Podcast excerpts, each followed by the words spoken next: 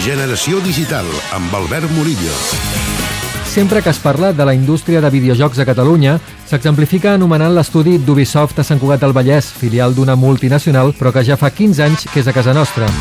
També es parla de Digital Legends, una desenvolupadora que ha sabut agafar el tren del joc per mòbil i tauleta d'una forma espectacular. O darrerament es parla molt de King.com, una empresa especialitzada en els jocs socials. Quan es parla d'aquestes empreses que acabo de citar, sempre es fa en la part del negoci i molt poc del videojoc que generen. Les excepcions venen de les empreses petites, liderades per una generació que busca el negoci però que viu el videojoc amb passió. La música que sona de fons és del videojoc Nilumbra, de Beautiful Games, que va guanyar l'any 2012 el Premi Generació Digital com a millor videojoc. Nilumbra va ser també considerat un dels millors videojocs per iPhone i iPad l'any 2012 per Apple. Es pot aconseguir per PC, Mac i dispositius mòbils d'Apple i apareixerà en breu per la Wii U.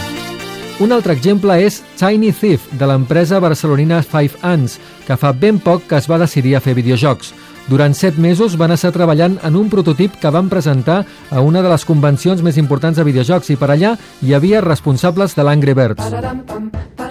La impressió va ser tan positiva que mesos més tard van publicar el seu joc a través de Robio Stars, el subsegell dels creadors d'Angry Birds. Catalunya està plena de talent en empreses de videojocs, moltes d'elles de menys de 10 treballadors, com Undercoders, Enjoy App o Abilight, i hem d'estar atents als seus nous continguts.